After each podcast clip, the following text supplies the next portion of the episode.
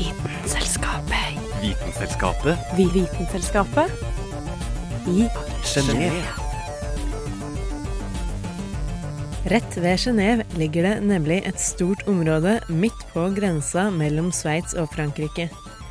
Det ser litt ut som en samling av svære lagerbygninger, men selv om utseendet ikke er spesielt imponerende, er forskningen som foregår her, helt i verdenstoppen.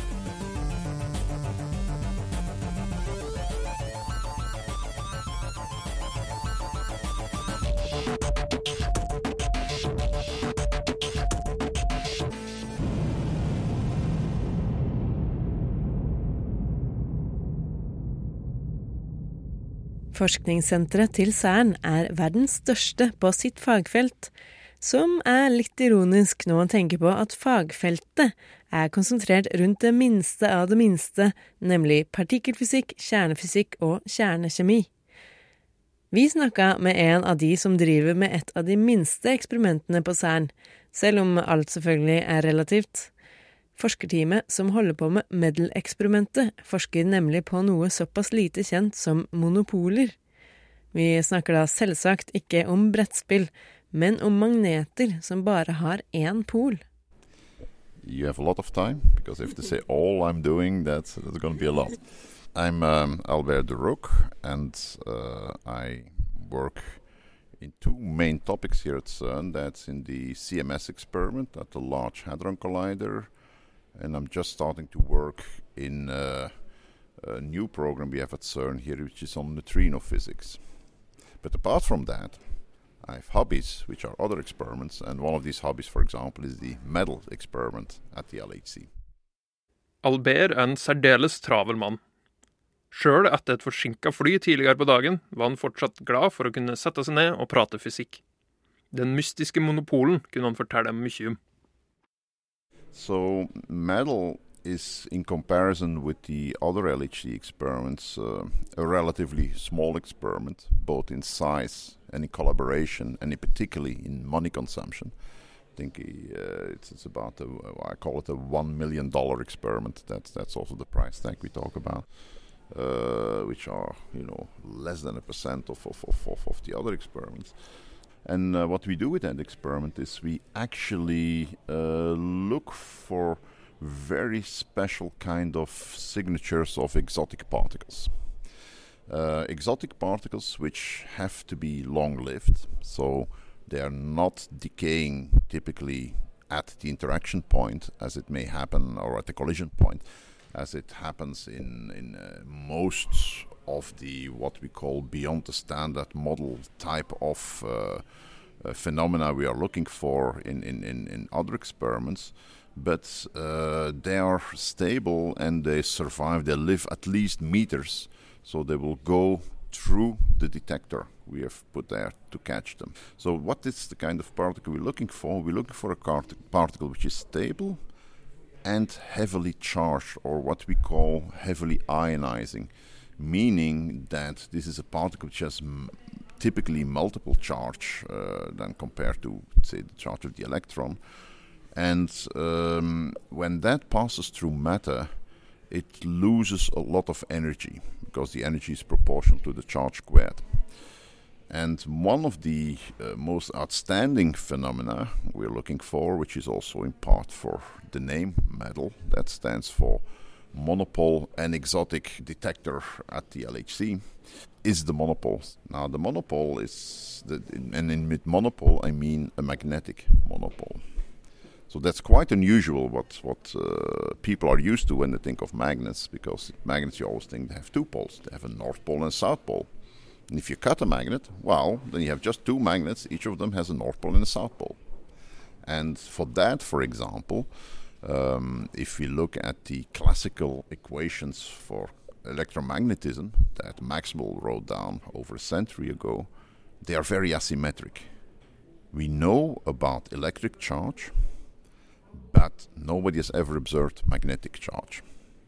If there would be magnetic charge, these equations, if the students see that in front of them, they would be symmetric, easy to remember for the students. Now they are not, and they are very asymmetric, pain for the students. We haven't seen any monopoles. Why do we believe at all that these exist? Well, to start with, there is nothing that says they shouldn't exist. And that's already a big statement because originally people thought a monopole, a single pole of a magnet, a particle with magnetic charge, is actually forbidden by quantum mechanics. Pure quantum mechanics, the foundation of quantum mechanics.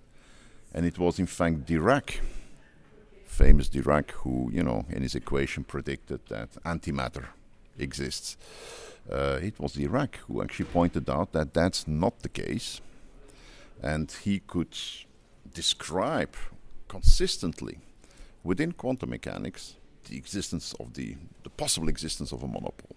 That doesn't prove it exists, but it proves it's not excluded by quantum mechanics as people thought originally.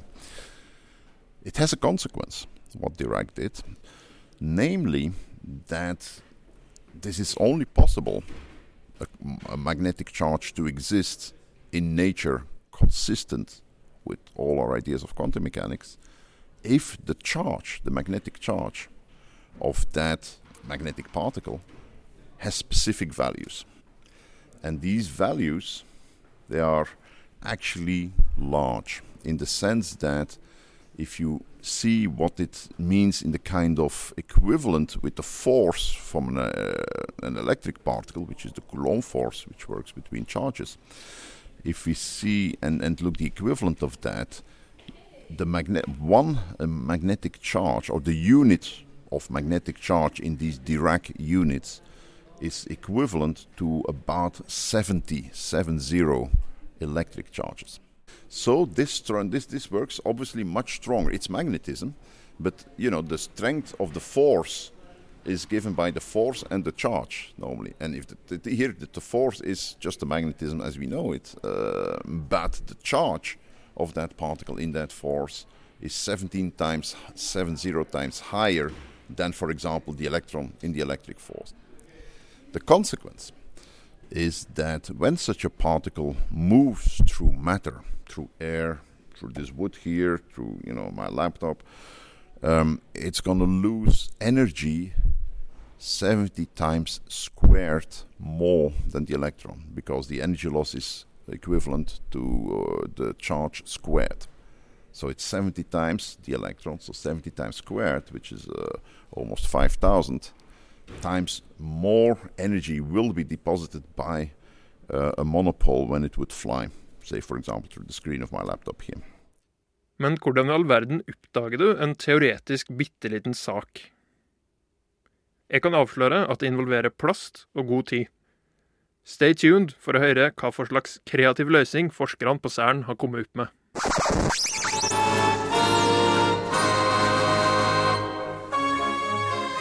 Vitenselskapet i Genéve.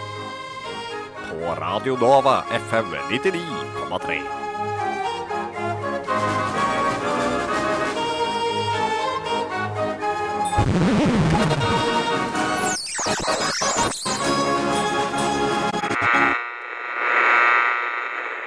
Superkollideren LHC, Cerns store sønn, kosta noen kroner når de måtte grove 27 km med tunnel. Men professor Albert de Ruc og resten av Medal-teamet har et prosjekt gående som er atskillig enklere. På leiting etter den mystiske partikkelen monopolen har de en teknikk som er nesten like enkel som dusjforhenget ditt. So the, the measurement technique of metal is we put a material, we just hang it there. In, and in our case, it's a plastic material, just a plastic sheet. In fact, it's it's several plastic sheets behind each other. And if a monopole comes through that sheet produced in the collision point from the proton proton collision at the LHC, uh, and it is produced and it moves out, and it will go through that plastic, but it will lose so much energy in the plastic that will actually burn a hole in it. It punctures the plastic. And therefore, we use several layers of plastic because, of course, maybe by some you know thing that happened in the hole, uh, we have a puncture for some reason. But a puncture going to the different layers of plastic, and there are six layers of plastic uh, for for all the, the phase space that we covered, we should see in all these plastic layers at the same place a hole. And that's a signature of a particle which is completely unusual compared to the particles we know. Electrons, muons, pions, which are other charged particles, if they fly through this plastic, they won't hurt it, they won't do a thing, we won't see it. So, known particles give no holes, so give no background. So, in that sense, it's a, what we call a zero background experiment. In principle, one hole could be a discovery. Now, obviously, we're going to be a bit more careful if you see one hole, and surely want to make sure that nobody made a joke and punched a hole in it with a needle or something like that. But um, effectively, that that's a very unique signature. But then at the end of the year, we take out the plastic out the boxes, and then of course it's business time. And then the, the plastic is going to be scanned under microscopes to find these holes because the holes are only 20 micron. It's not like there's a hole like that and it's from the monopole, but it's uh, like a 20 micron holes in it. And then we have automized uh, microscopes which scan over the plastic and in different institutes. Som Albert nevnte, mister høyenergiske partikler som monopolen mye energi. Dette faktumet utnytter Meddal for det det er verdt, og enda en detektortilslag er satt opp. So as a second detector is uh, just aluminum bars in boxes, and these aluminum bars are gonna be monopole catchers. So what do we hope for is that a monopole is produced. It comes eventually in these aluminum bars, and they are stacks. It's like a big volume in thickness what we made. It flies through the aluminum bars and going to lose a lot of energy in there because it's dense material. You lose a lot of energy, and it stops, and it gets stuck in the aluminum bar. Um, what we do with that, we cut them in 20 centimeter rods, and we take them to Zurich. Zurich because there they have a very sensitive magnet in the um, center for uh, uh, what is geological studies, and they have a magnet, but that magnet is very very sensitive to anything magnetic in the material. It's called technically a squid, and that's used to look for very very small magnetic charges in materials, particularly in rocks. In uh, moon rocks, for example, are being analyzed in that way for, for, for studying their properties. So we use that and we move the material that we had in the experimental hall, waiting to get a monopole going in there and get stuck there. We move that through this device, and if there is a monopole sitting, this device will react. We didn't find the monopole yet, in this prototype data. But now we have 800 kilo of data from the 2015 run, which is just being analyzed. And I can't say you yet what we see, but you should stay tuned.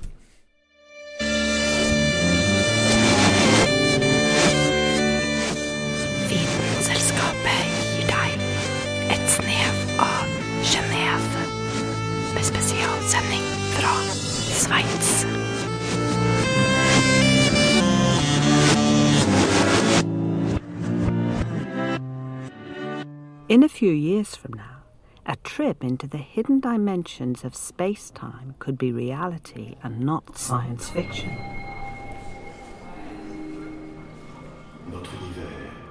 Is there any hope of finding these extra dimensions? These extra dimensions? If the theory is right, then the Higgs field would also interact with itself to make a particle called the Higgs boson.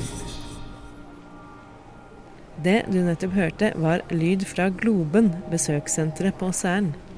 Den eh, ser ut som en stor ball som ligger rett ved hovedinngangen til området.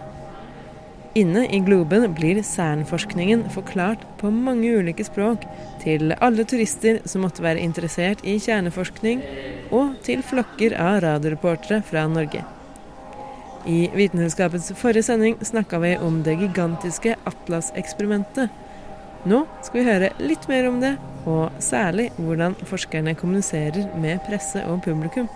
Uh, people are usually very happy, very impressed when they go down. They just look at the thing and say, "Oh, that's great, but wh- where is the detector?" So this is how it, it was when it was installed. So this is the balcony where we have the visitors. Obviously finished, so it's more. It's even more packed. Uh, yes, and it's full. So compare if you look uh, somewhere on the web uh, for images of Atlas and CMS. Atlas is really filling the whole cavern. You see, it's really, I mean, we're very close the edges. This is why when people go down, they say, where is the detector? Because they, I mean, the idea of a detector is, is very unclear to the public. They have strictly no idea. And when they see this massive thing, they were told, yeah, it's 45 meters long, it's 25 meters high, so many tons. It's great, but the Eiffel Tower is also very heavy and very big. What's the difference? And the difference is that this is very heavy and big, but it's also stuffed with sensors and electronics. And this is where the difference comes. Atlas-eksperimentet ved CERN er som kjent enormt. Et av CERNs største. Ikke så rart når hoveddetektoren er så tung som Eiffeltårnet, og langt mer kompleks. Vi hørte nettopp Vitenselskapets pressekontakt ved CERN, Claire Adam, snakke litt om proporsjonene til den berømmelige detektoren. Det ble også klart at de besøkende, altså publikum, har forskjellige og tidvis motstridende forventninger til hva de kommer til å se når du går ned for å besøke reaktoren. Noen ganger er den enorme massen av ledninger, rør og metall foran deg rett og slett en detektor. Hvordan takler de ansatte på Særen utfordringen med kommunikasjon med presse og publikum? And we had so many press requests, didn't we? of people who said, "No, you're hiding the thing." No, we're not hiding. We're just aligning the, you know, the whole thing. We have to understand this calibration. So this is where the interaction with the public has to be balanced because we. It's, it's completely normal. It's our job, so it's completely normal that people don't get into you know, this is our to-do list. But on the other hand, there are some times where we simply cannot say anything because we have to get the work done. Så det er altså visse utfordringer knyttet til det å kommunisere og vise fram den enorme mengden med kompleks informasjon til det offentlige, som jo er forståelig. Claire Adam selv er fysiker, og grunnet hennes glimrende formidlingsevner fikk hun også jobben med å ta imot besøkende grupper til Atlas, ettersom presset for å ha noe å vise frem ble for stort. Så inngangen til Atlas-kontrollrommet ble gjort om til en liten velkomsthall, med vakre sitater på veggene samt et interaktivt kart og legomodell av Atlas-detektoren. Adam selv sitter som en vokter i nærheten av den store glassveggen som skiller publikum fra kontrollrommet, der geniene sitter og jobber. This was made actually by one of my colleagues who is from Denmark originally and loves Lego, of course. And it was made for the institute which don't have much money. Uh, so this is the smallest and the so-called cheapest Atlas model you can have in your institute. And uh, he has larger ones uh, that can be built in one week. So we use it for events. Uh, well, events over a few days where people can uh, go together to build a thing, but also the Lego activities is excellent for kids. Uh, because when we have some open days or exhibit, uh, of course the parents are, the teenagers are very happy with what we say, but the kids are a bit. Uh, so we try to develop the creativity. So usually we show one of these things, and uh, then he has a pile of Lego, and he asks the kids to build what they believe is a detector. And then he starts to discuss with them what do you mean by detector, why, how, and whatever. And there is also some competition. Actually, he has a fantastic web page where there is a picture, and whoever does the best detector in a kid's way to see it uh, gets a prize. Så dette var litt om Lego-modellen og pedagogikken ved Atlas' inngangshall. Hva med det enorme samarbeidet som gjør Atlas og CERN mulig? These are the countries which participate to Atlas. Uh, if you go to another experiment, you will have a different map. For example, India has chosen to go to CMS. Okay, well, it's their choice. Uh, now we are producing a map where we show in green also the nationalities of the people, because you can have, you know, people who are from a different country who work for another institute uh, and things like that. In which case, you would see most of the gaps being filled. So we all essentially have all of all the both Americas and, and we have all of Asia. I mean, clearly Africa is a bit difficult, but we have Egyptian, we have Algerian, uh, we have a few from Congo and things like that. So, so we are what we call the users. So if you want, I mean, CERN as such, uh, as a lab, is the host lab, and, and CERN is in charge with the collider, uh, the machine. Uh, plus, of course, being the host and all, the all setup and lots of technical expertise. But the experiments are built by universities, and so this is really a diaspora. So every each of these countries has a number of institutes, and each of, of this institute is in charge of building and running or doing something and bringing it here. So I'm here. I'm very very French, and I, I work for the CNRS nearby Paris. I'm here because my group built a part of the Atlas cal- liquid argon calorimeter. I came here with my detector to nurse it, and I, I, I'm, I'm around because my group has something to do. But my lab is in charge with their bit forever. So somehow, when when you crossed the gate to enter, you entered in a kind of different area, which really belongs to these users and, and universities. So we have our own. Um, collaboration board, which would be the parliament, where every institute has one voice. We have our own constitution with rules, uh, management. Everybody is elected with a very strong rotation between the countries. Atlas er som fysikkens forente nasjoner, og er et samarbeid mellom 38 land, 3000 forskere fra 177 universiteter og ikke minst 1000 studenter. Atlas er derfor i sannhet ikke bare et politisk, men et kosmopolitisk prosjekt.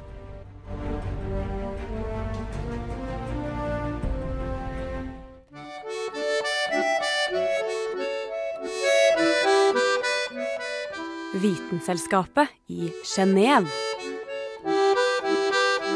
På Radio Nova FM 99,3.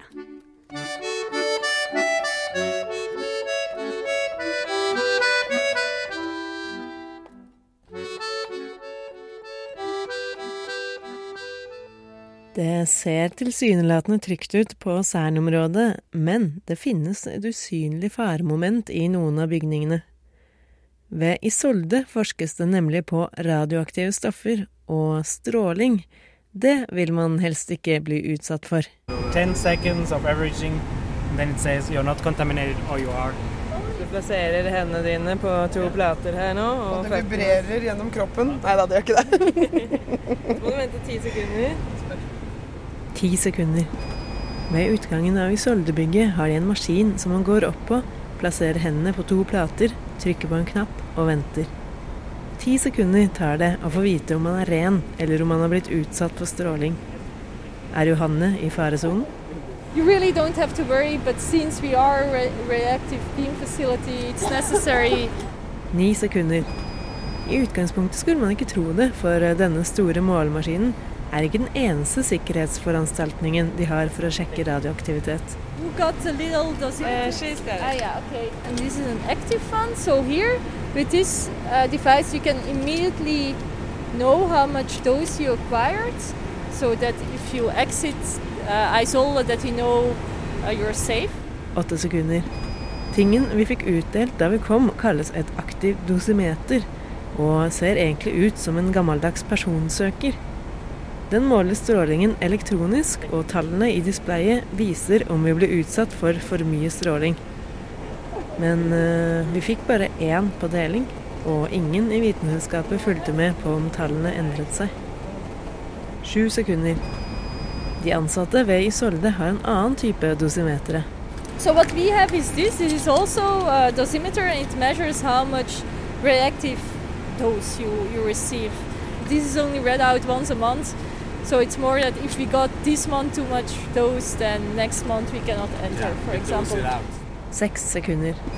I motsetning til dosimeteret vi fikk, er det ingen tall på det passive dosimeteret til Isolde-folka. Det ser nærmest ut som et ansattkort som henger rundt halsen deres.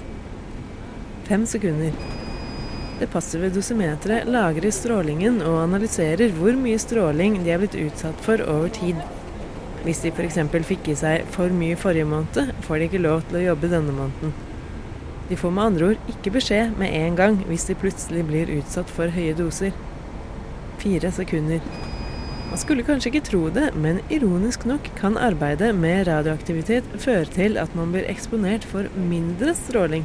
Actually, because of the surrounding to block out the radiation exiting, it here you can actually have a lower dose than outside. Tre sekunder. Man blir nemlig utsatt for stråling hele tiden pga. bakgrunnsstrålinga. Strålinga kommer fra universet, som elektromagnetisk stråling fra sola eller fra radioaktive grunnstoffer på jorda. I løpet av et år blir vi utsatt for ca. 3 millisievert, litt eh, avhengig av hvor i verden du er. Til sammenligning er det ikke anbefalt at en som jobber med stråling, eksponeres for mer enn 20 millisievert i året. På Isolde kan man altså i teorien unngå bakgrunnsstrålinga. Maybe not at the moment because we're actually running with the radioactive beam at the moment. So maybe not today, but sometimes you, indeed, if there's no beam, you can have lower dose inside than outside. To sekunder. Analysen av Johanne er nesten klar. Antageligvis er den ikke kontaminert. Men eh, hva om hun er det? Don't uh, spill cold water on your skin and not hot water. With hot water, you open the pores and then you cannot get rid of because it's in then into your body or it's easier to get into. Yeah. And the cold water closes your pores, so it closes also the radiance into your body. So it's same. body. So it's more or less 20 degrees. It's fine if you wash your hands with soap. Usually, you don't need more, but you need someone who has the knowledge that really knows. First, figure out what is the contaminant. Then you have different solvent to get rid of. En sekund igjen. Not contaminated. En lettelse? Var er det en lettelse? Please take the Frisker probe. Ja, det var How does lettelse. it work? Ellers kunne det vært starten på et nytt Marvel-eventyr. I'm on a fantastic journey to look for the origins of life. E equals mc squared. I suspect that there are more things in heaven and earth than are dreamed of or can be dreamed An event called the Big Bang. Ukas vitenskapsmann.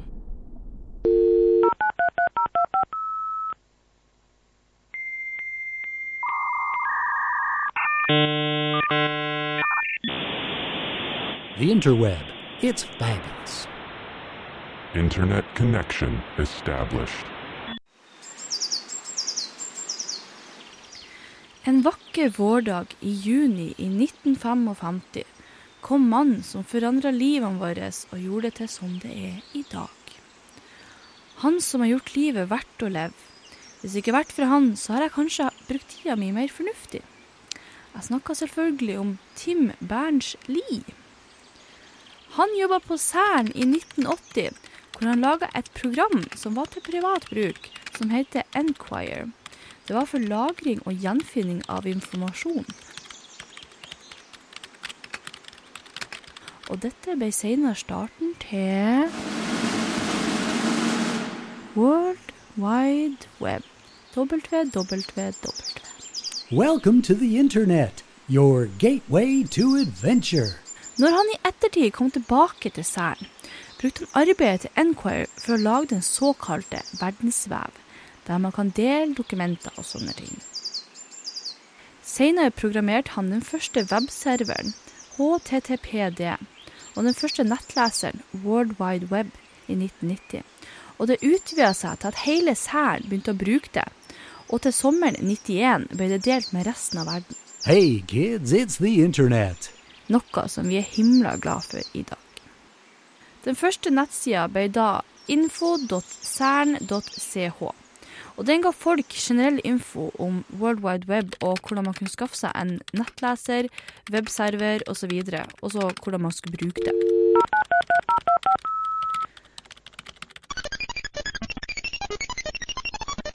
Så dette er mannen som har gjort livet vårt sånn det er i dag. Sånn cirka. Vi har mye dødtid framfor dataen å takke han for, og jeg er evig takknemlig. Han mente det var like viktig å kunne redigere nettet som å manøvrere det. A hacker to me is someone creative who does wonderful things. Og fyren er jo også britisk, så han har jo seff vært ridder siden 2004.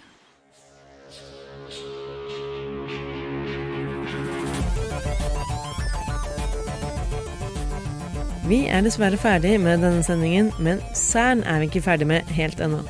Neste uke sender vi nemlig tredje del i Vitenselskapets serie fra Genéve. Hvis du gikk glipp av den forrige, vil jeg anbefale deg å lete opp Vitenselskapets podkast på dette miraklet vi tydeligvis kan takke Cern for, nemlig internettet. Og de vi kan takke for at vi har fått laga denne programserien fra Genéve, er Medietilsynets tilskuddsordning for lokalkringkasting. Medvirkende til denne sendinga var Carl Adams Kvam, Dag Dramer, Ida Vassbotn, Lise Eide Risanger og meg, Kristin Grydland. Vi høres neste uke.